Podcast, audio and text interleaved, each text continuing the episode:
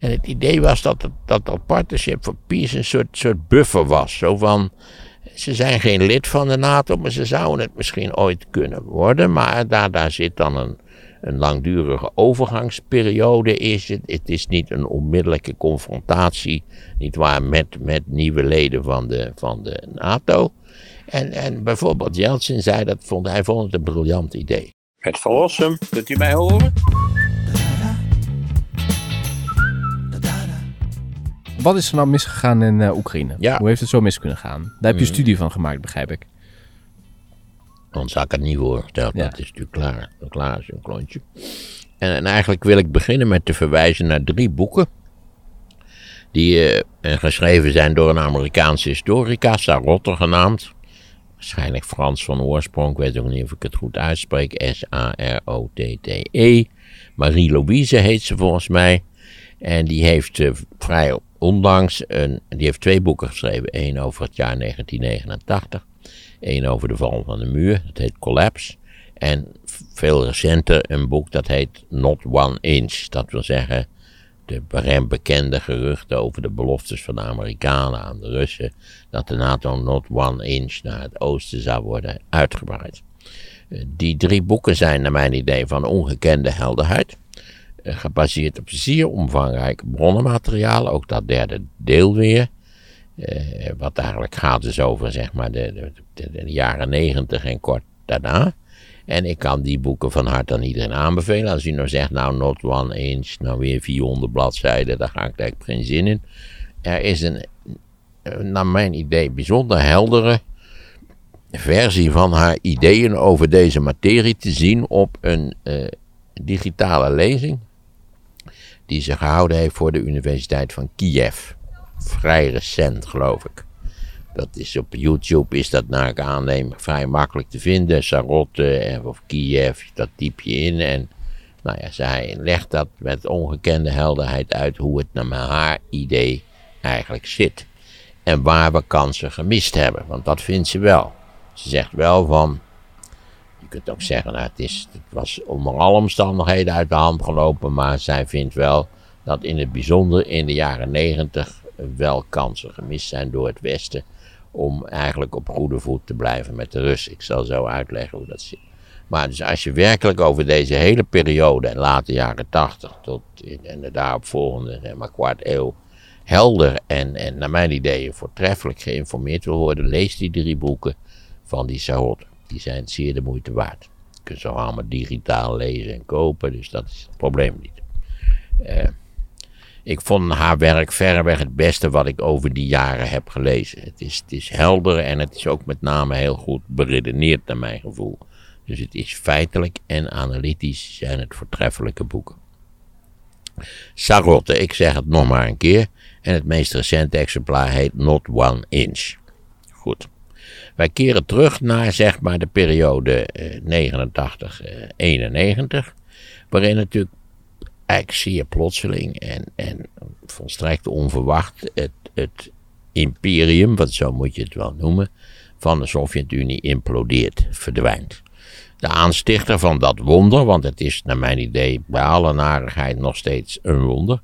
De aanstichter van dat wonder was natuurlijk Gorbachev, die besloten had en ook al vrij duidelijk had medegedeeld dat dat zo was, dat hij dat imperium niet langer met geweld wenste te verdedigen. Dus als ze daar iets anders wilden, dan zou het Russische leger, wat natuurlijk in al die landen een, een, hoe heet het, een garnizoen had, dat zou daartegen niet optreden. Ook niet in Duitsland, ook niet in die andere landen. Met als gevolg natuurlijk dat daar een, een politiek proces van verzelfstandiging op gang kwam. Gorbachev heeft waarschijnlijk gedacht dat, dat die regimes toch van een zeg, beetje linkse signatuur zouden zijn. Niet communistisch, maar dan toch wel sociaal-democratisch. En dat bleek maar zeer ten dele het geval te zijn. En wat natuurlijk een belangrijke rol speelt, is dat al die landen eigenlijk vanaf het moment dat duidelijk was dat de Russen niet met geweld zouden optreden, beseften, dat weten we niet zeker voor de toekomst. Hoe, kunnen wij enige vorm van zekerheid verwerven? Dat is eigenlijk alleen door lid te worden van de bondgenootschappen die tegen eventuele Russische eh, militaire optreden gericht zijn, in casu de NATO. Dus die hebben eigenlijk al allemaal al vrij snel gezegd: misschien kunnen we lid worden van de NATO. Waar aanvankelijk wat met zekere terughouding op gereageerd is, maar oké. En nu wil het geval dat uh, de Russen altijd hebben gezegd: ja, jullie hebben beloofd om dat niet te doen. Om, om die landen in principe not, dat de, de, de NATO zou niet one inch naar het oosten worden opgeschoven. En dat heeft zij keurig uitgezocht en dit gaat terug in feite op een uh, woordenwisseling. Uh, overigens gewoon in, in, in diplomatieke termen, niet een boze, maar een normale woordenwisseling tussen Baker, toen de minister van Buitenlandse Zaken van de Verenigde Staten, en Gorbachev. En Baker stelt aan, aan uh, Gorbachev, het ging nog helemaal toen op dat moment over hoe, wat moet er gebeuren met de DDR. Kan die aangesloten worden bij uh, de Westerse Bondsrepubliek? Ja of nee, onder welke voorwaarden enzovoort. En dan stelt Baker de hypothetische vraag aan Gorbachev: als jullie nou bereid zijn om de DDR prijs te geven, dan zouden wij eventueel wel bereid zijn om de NATO not one inch op te schrijven. Bedoelend in dit geval dat er geen NATO-troepen op het voormalige grondgebied van de DDR zouden verschijnen. Maar het was een hypothetische vraag waar, waar Gorbachev op dat moment ook niet op in is gegaan. In principe, overigens is het wel tenslotte zo geregeld, dat wel. Dan eh, gaat Baker weer terug naar Washington en hij bespreekt deze zaken met de president. Dat was Bush senior. Een oneindig veel verstandiger man dan zijn ongelukkige zoon. Die het een paar jaar later werd. Dat had beter niet kunnen gebeuren. Maar goed, die zal zo aan, aan de orde komen. En dan zegt eh, Baker, ja, dit heb ik hypothetisch. Hè? We hebben niks afgesproken, er is niks op papier gezet. Maar ik heb deze hypothetische vraag gesteld aan Gorbachev. En dan zegt uh, Bush, de zittende president, zegt van, ja, daar, daar, voel ik eigenlijk niks voor. Want dat zou toch betekenen dat we allerlei beperkingen zouden accepteren ten aanzien van uh, de locatie en, en de, de, eventuele expansie van en, en het gebruik van de NATO, de Noord-Atlantische Verdragsorganisatie. En daar zie ik niks in. Dit is, in feite hebben we nu een unieke kans om misschien juist die NATO wat op te schuiven. Kortom, Bush zegt met zoveel woorden: het nieuwe veiligheidssysteem in Europa is in feite het oude veiligheidssysteem in Europa, in casu de NATO. Terwijl bijvoorbeeld Gorbachev had gezegd: kunnen we niet in de toekomst een soort Europees huis creëren waarin we in feite allemaal kunnen participeren. Met zoveel woorden ook de gedachte uitspreken dat misschien ook Rusland, de Sovjet-Unie, nou, die zou kort daarna imploderen, maar goed. Dat, dat was een veel breder idee van dat het niet vernieuwend, dat we een vernieuwend pan-Europees veiligheidssysteem zouden kunnen organiseren. En daar zegt dus de. Hé, hey, afwijzen of aannemen. Nee, afwijzen. Dat is wel een leuk schermpje, hè? Ja. Ik ben even afgeleid, natuurlijk, dames en heren, door een schermpje wat tevoorschijn is gekomen. Met, met allerlei leuke kaboutersignalen erop. Bijvoorbeeld ook kabouterpop zie ik erbij staan. Ja. Goed, het veiligheidssysteem in Europa, daar hadden we het in feite over. En het is duidelijk dat de Amerikanen vanaf het allereerste moment daar niet in, in, een, in ingrijpend nieuw systeem niks hebben gezien. Um, ondertussen ontwikkelt zich natuurlijk, want deze onderhandelingen zijn denk ik uh, tussen Baker en, en, en Gorbachev 89, misschien begin 90, dat weet ik niet precies. Uh, en ondertussen uh, in de een en de zomer van 91 is er dan die koep tegen Gorbachev. En dan vervolgens is de winnaar van dat hele toneelstuk Yeltsin, die komt aan de macht. En Yeltsin wil van Gorbachev af. En de enige manier, Gorbachev was de president van de Sovjet-Unie. Dus wat besluit Yeltsin? We doeken de Sovjet-Unie op. En we maken gewoon al die republieken, die maken we zelfstandig. Dan wordt ook een verdrag tussen de, de grootste en de belangrijkste republieken gesloten. Initieel is dat de Oekraïne en Kazachstan en Wit-Rusland. Die worden het daarover eens. De Sovjet-Unie wordt opgedoekt. Dat is een fameuze uitzending van CNN. Die maakt daar beeld van. Waarbij Gorbachev in zijn kantoor zit, een korte toespraak houdt en zegt: Dames en heren, tot ziens. Of wellicht definitief, uh, ik verdwijn, want mijn functie is opgeheven. Dat klopt. De Sovjet-Unie bestond niet lang. Kortom, de Sovjet-Unie is geïmplodeerd, is in zijn onderdelen uiteengevallen en tegelijkertijd het imperium van de Sovjet-Unie in Oost- en Centraal-Europa is bezig zich in hoog tempo te verzelfstandigen. Eh, maar het, het, was duidelijk natuurlijk dat de Russen, de Russische Republiek, want dat was de hoofdspeler, die staat nu onder uh, leiding van Yeltsin, dat die eigenlijk het nou niet zo'n geweldig idee vond als al die landen lid van de NATO zouden worden. Dus er was nu eigenlijk een, een, dilemma ontstaan. Bovendien uh, wisselt de president dan, 92 wisselt de president. Uh, Clinton volgt de oude Bush op. En Clinton zit met een, een zeg maar, politiek-strategisch dilemma. Want A wil hij die nieuwe landen, nieuwe zelfstandige landen in Oost-Europa en Centraal-Europa niet voor de kop stoten. Hij wil niet bijvoorbeeld zeggen, ja, wacht even, maar jullie kunnen helemaal geen lid van de NATO worden. Nee, dat wil hij absoluut niet zeggen. Maar tegelijkertijd wil hij ook graag de lieve vrede met Yeltsin bewaren. Want Yeltsin en Clinton konden aanvankelijk voortreffelijk met elkaar opschieten. En toen hebben zij Amerikanen een plan gemaakt. En dat was eigenlijk eh, een, een soort organisatie, dat heette de Partnership for Peace. En het idee van die Partnership for Peace was dat iedereen daar lid van kon worden. Met name al die Oost-Europese landen en eventueel ook, ook, ook de Baltische republieken, waar dit probleem natuurlijk ook speelde. Eh, en zelfs uh, Oekraïne zou lid kunnen worden van Partnership for Peace. En het idee was dat dat, dat Partnership for Peace een soort, soort buffer was. Zo van, ze zijn geen lid van de NATO, maar ze zouden het misschien ooit kunnen worden. Maar daar, daar zit dan een, een langdurige overgangsperiode is. Het, het is niet een onmiddellijke confrontatie, niet waar, met, met nieuwe leden van de, van de NATO. En, en bijvoorbeeld Jeltsin zei dat, vond, hij vond het een briljant idee. dat op deze manier was eigenlijk deze nog instabiele en, en, en nog niet duidelijk gemarkeerde situatie, die kon eventueel op termijn ook zo blijven, zodat er niet al te grote schokken ontstonden.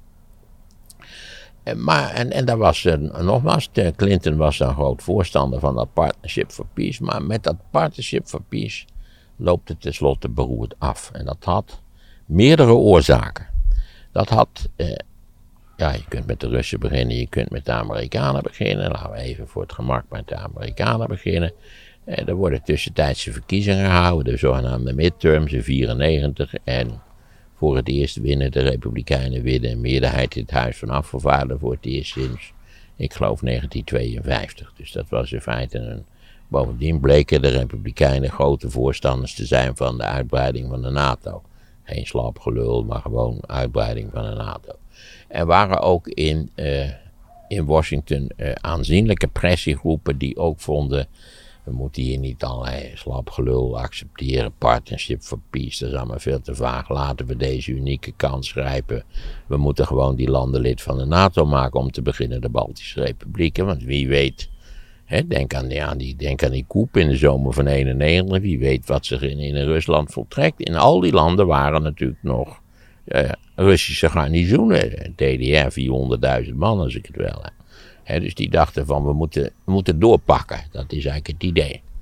Eh, dus dat is de ontwikkeling aan de ene kant. Aan de Amerikaanse kant is zowel politiek is het gedraaid.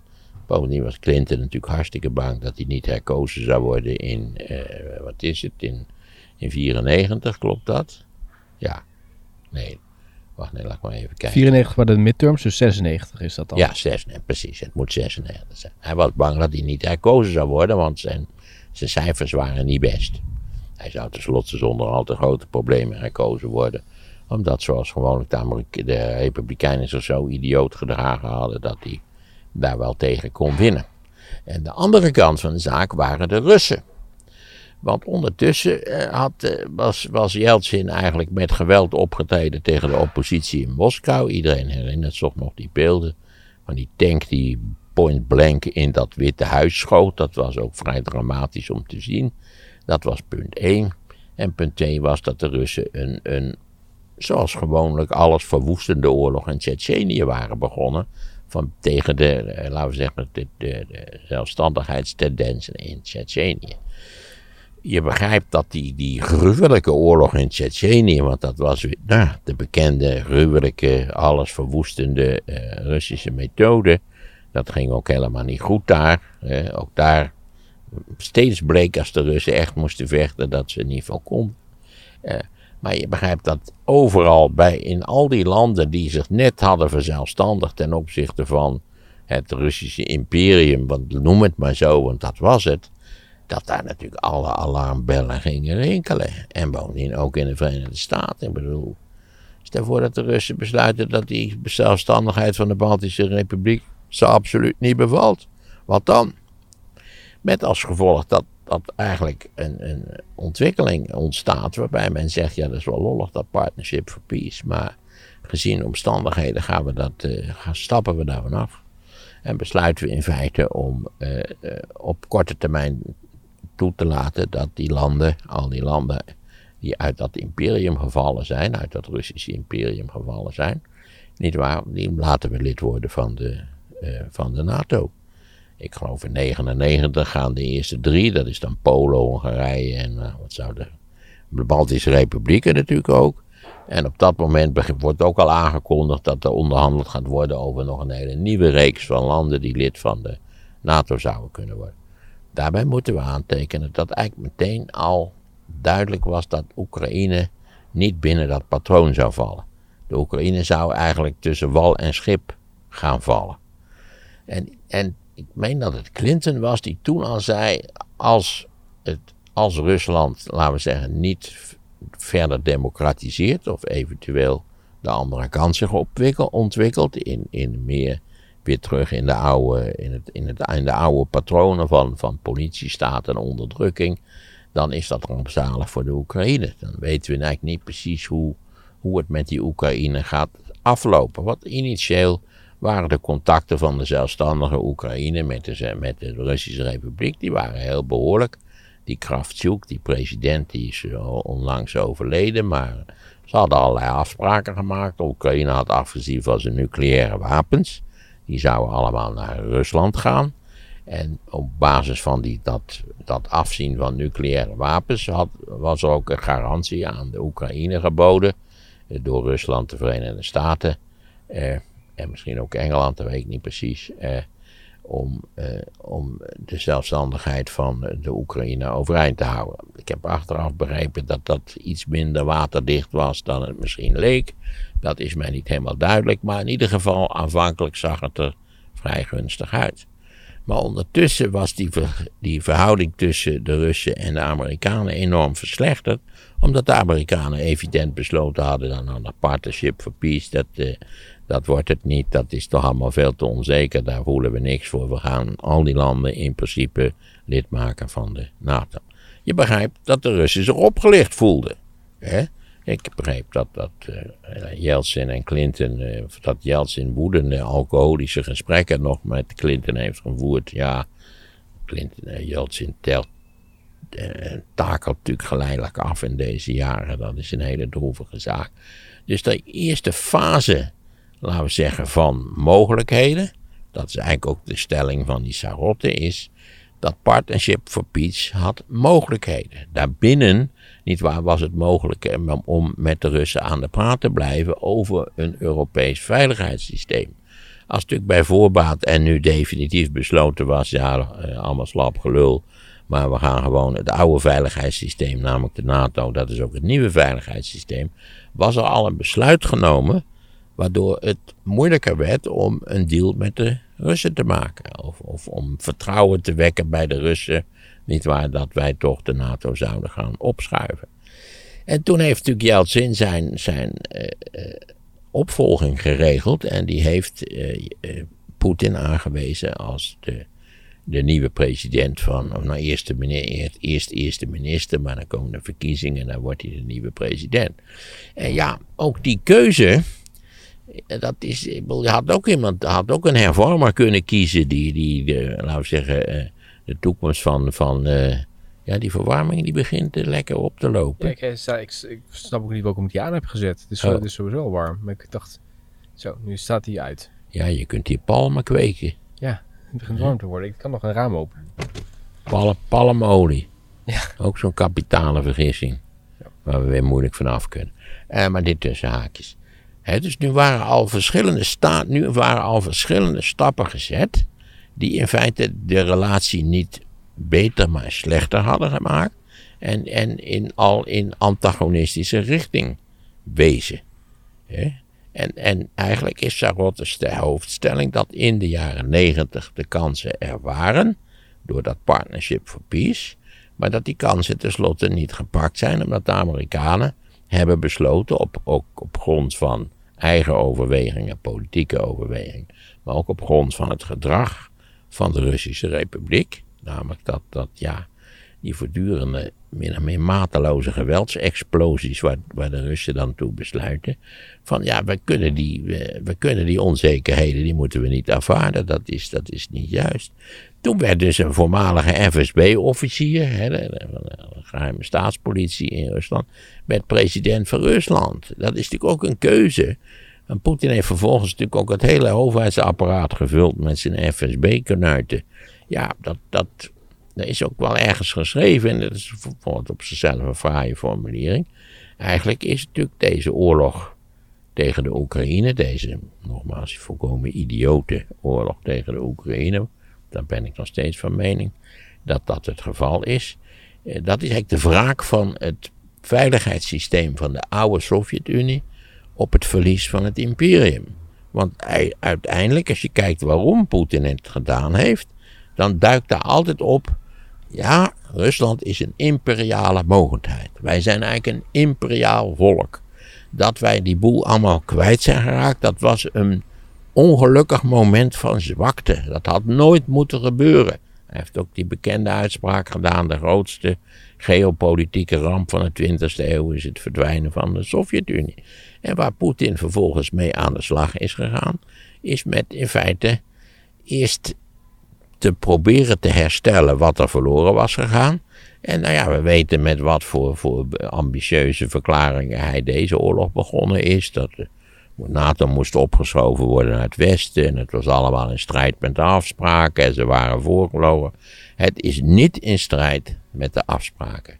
Die afspraak is nooit gemaakt. Die afspraak was dus die hypothetische vraag die Baker aan Gorbachev heeft gesteld. Gorbachev heeft later verklaard dat er nooit over de NATO gesproken is bij die onderhandelingen.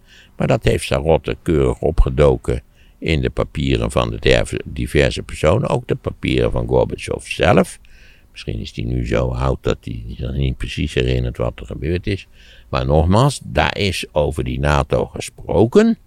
En dat heeft Gorbachev ook gezegd. Eh, eh, denk ik weet dat jullie het wel een leuk idee zou vinden om al die landen lid van de NATO te maken, maar hij is daar verder niet op ingegaan. En Baker doet dat hypothetische voorstel. Jullie geven de DDR-prijs en dan beloven wij dat in binnen de Duitse grenzen, niet waar, de NATO niet uitgebreid zal worden. Dat is eigenlijk de kern van de zaak. Maar daarvan heeft Bush dus, daar was niks op papier gezet, was een hypothetische vraagstelling. Daarvan heeft Bush dus onmiddellijk gezegd, daar begin ik niet aan. Voor mij is het de NATO. Het oude systeem is het nieuwe systeem. Nou, dat legt ze heel goed uit. En eigenlijk is de kern van dat boek, is Not One Inch, is eigenlijk dat, ja, dat er in de jaren negentig een kans gemist is. Dat dat Partnership for Peace, dat dat eigenlijk eh, helemaal niet zo gek was. En eigenlijk had moeten worden voortgezet, maar van beide kanten dus getorpedeerd is. Als dat toen wel was eh, gedaan, hadden we dan nu geen oorlog? Dat is natuurlijk de grote vraag. Uh, mijn, ik zou zelf, zelf zeggen dat, dat, dat de traagheid die nu eenmaal uh, ingebouwd is in, in de constructie van dingen, dat die waarschijnlijk toch geleid zou hebben tot een, een geleidelijke aftakeling van de goede betrekkingen. En dat natuurlijk ook de keuze voor iemand als Poetin, een voormalige FSB-agent, en in feite daarmee een keuze voor het hele apparaat wat hij vertegenwoordigde. Dat dat natuurlijk ook, ja, vanaf dat moment is maar de vraag of je nog kunt spreken van is dit nog reparabel, ja of nee. Aanvankelijk stelde Poetin zich natuurlijk relatief vriendschappelijk op ten aanzien van het Westen. Denk aan 9-11, waar hij als een van de eerste hulp aanbiedt en zegt hoe erg het allemaal wel niet is, maar Er zijn natuurlijk in de jaren daarna zijn er, er allerlei ontwikkelingen waarbij eigenlijk steeds stap voor stap de mogelijkheden om tot, tot een verdere constructief gesprek te komen worden afgekapt. Ook door de Amerikanen zelf natuurlijk. Ja. Met, met als absoluut hoogtepunt van stomzinnigheid is natuurlijk eh, die verklaring van Bush junior ondertussen. eh, dat het een geweldig idee zou zijn om de Oekraïne en Georgië lid van de NATO te maken. Ja. Waar die, waarvoor hij gewaarschuwd is door zijn Europese bondgenoten. Daar heeft hij zich niets van aangetrokken. En ja, toen zijn natuurlijk in het Kremlin, en zeker in dit Kremlin, ook weer de alarmbellen. Hè, de stormbal is gehesen. Zo achter zeven, maar dat, dat is voor ons volstrekt onacceptabel. Waarom is Poetin eigenlijk de opvolger geworden? Ja, vragen de Jeltsin, die leeft niet meer. Kennelijk maakte hij een competente indruk. Jeltsin had allerlei eerste ministers gehad. Die volgens mij, als ik het me goed herinner, al relatief snel werden afgedankt. Jeltsin was natuurlijk wel degelijk teleurgesteld in de ontwikkelingen. Eh, in de relatie met name ook met Bill Clinton. Dat zal allemaal een rol gespeeld hebben. Eh, maar ja, zeker weten eh, doet niemand dat volgens mij. Maar competentie is toch niet het enige? Er wordt ook gekeken naar belangen, netwerk. Nou, kijk, ook Yeltsin had tegen Clinton ooit gezegd: Russia will rise again. Hij zal het wel niet in het Engels hebben gezegd, maar. En, en dat, dat is natuurlijk tot op, heden, tot, tot op zekere hoogte wel begrijpelijk. Er was namelijk tussen 89 en 91 iets uitzonderlijks gebeurd. Namelijk het laatste nog bestaande op onderdrukking gebaseerde imperium, namelijk de Sovjet-Unie, was plotseling van binnenuit verkruimeld. Opgeblazen, geïmplodeerd. Ja, dat zijn twee verschillende natuurkundige processen, maar laten we maar zeggen geïmplodeerd.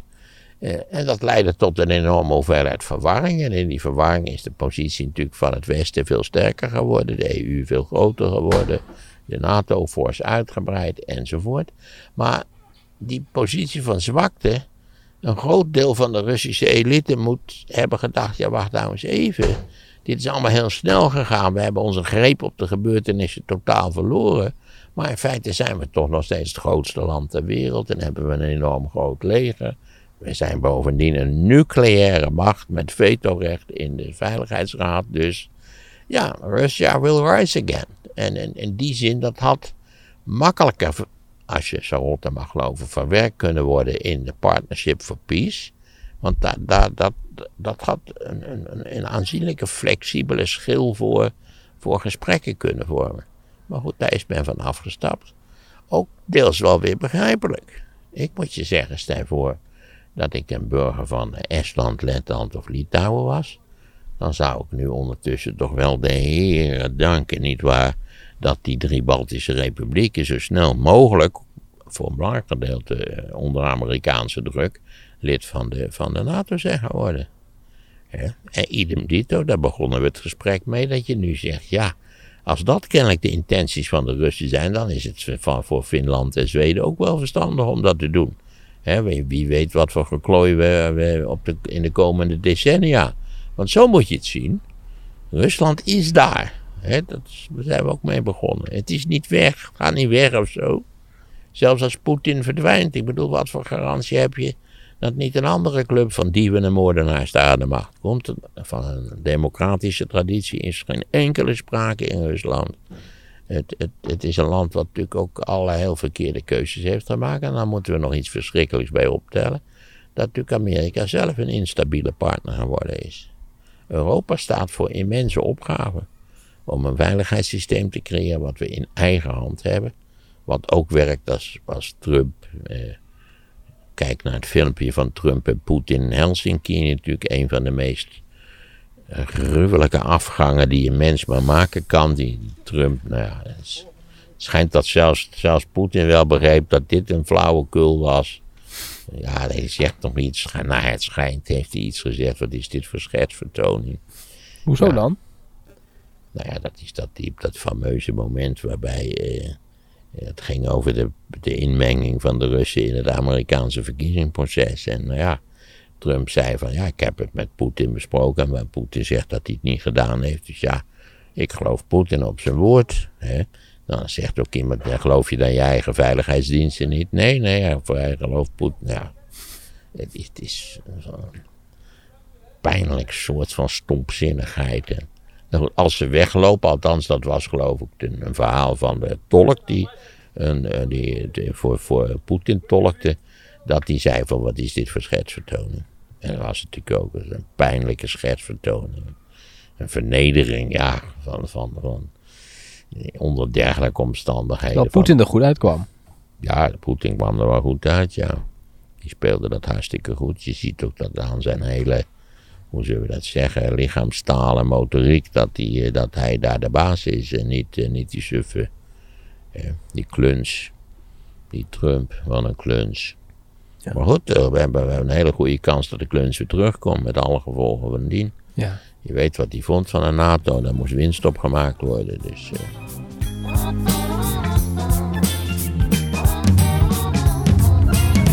We hebben een hele goede kans dat de kluns weer terugkomen. In ons marcheert Duitsland en hinter ons komt Duitsland. Maarten van Rossum over Hitler. De Joden streefden naar een eigen wereldheerschappij. Ze waren dus een parasitair ras, wat in feite die vitaliteit van het volk, in dit geval het Duitse volk, wezenlijk bedreigde. Download het luisterboek via de link in de beschrijving.